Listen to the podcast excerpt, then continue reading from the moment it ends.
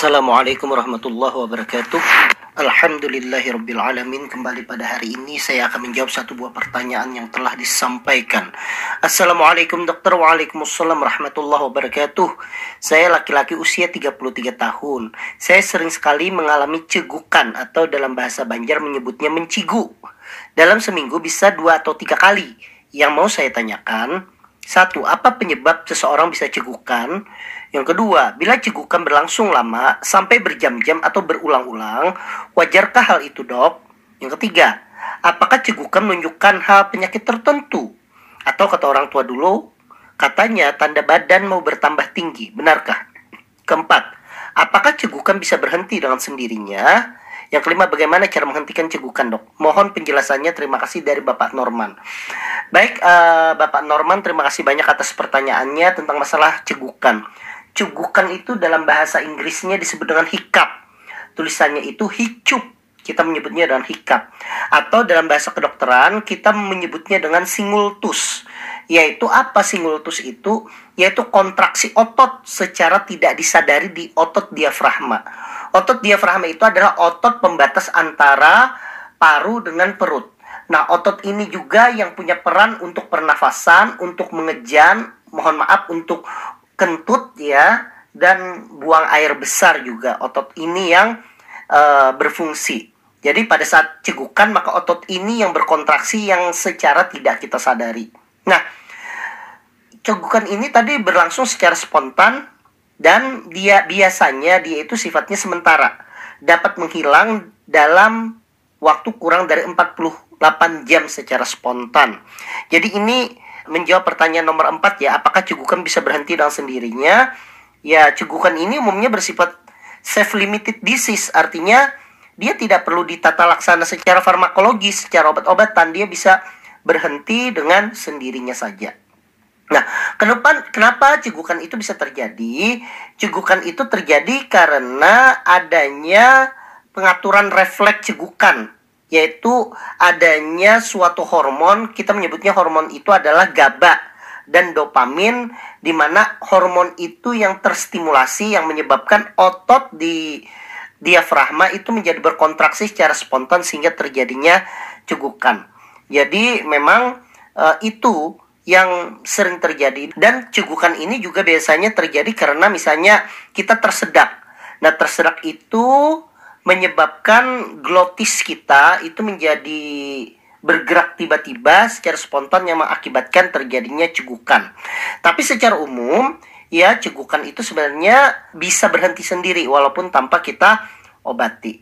Nah, cegukan ini atau hikap ini penyebabnya ya selain dari penutupan glotis tadi penyebabnya bisa berbagai macam salah satunya yang paling sering itu karena seseorang yang punya mah kemudian asam lambungnya naik ke atas ke esofagus sehingga terjadi namanya gastroesophageal reflux disease. Itu juga sering menyebabkan cegukan. Kemudian selain itu cegukan bisa dialami pada kasus-kasus metabolik. Misalnya karena ada gangguan elektrolit itu juga bisa ya karena kaliumnya terlalu rendah atau misalnya e, karena adanya gangguan ginjal yang menyebabkan uremik atau racun ginjal itu meningkat itu juga bisa menyebabkan cegukan.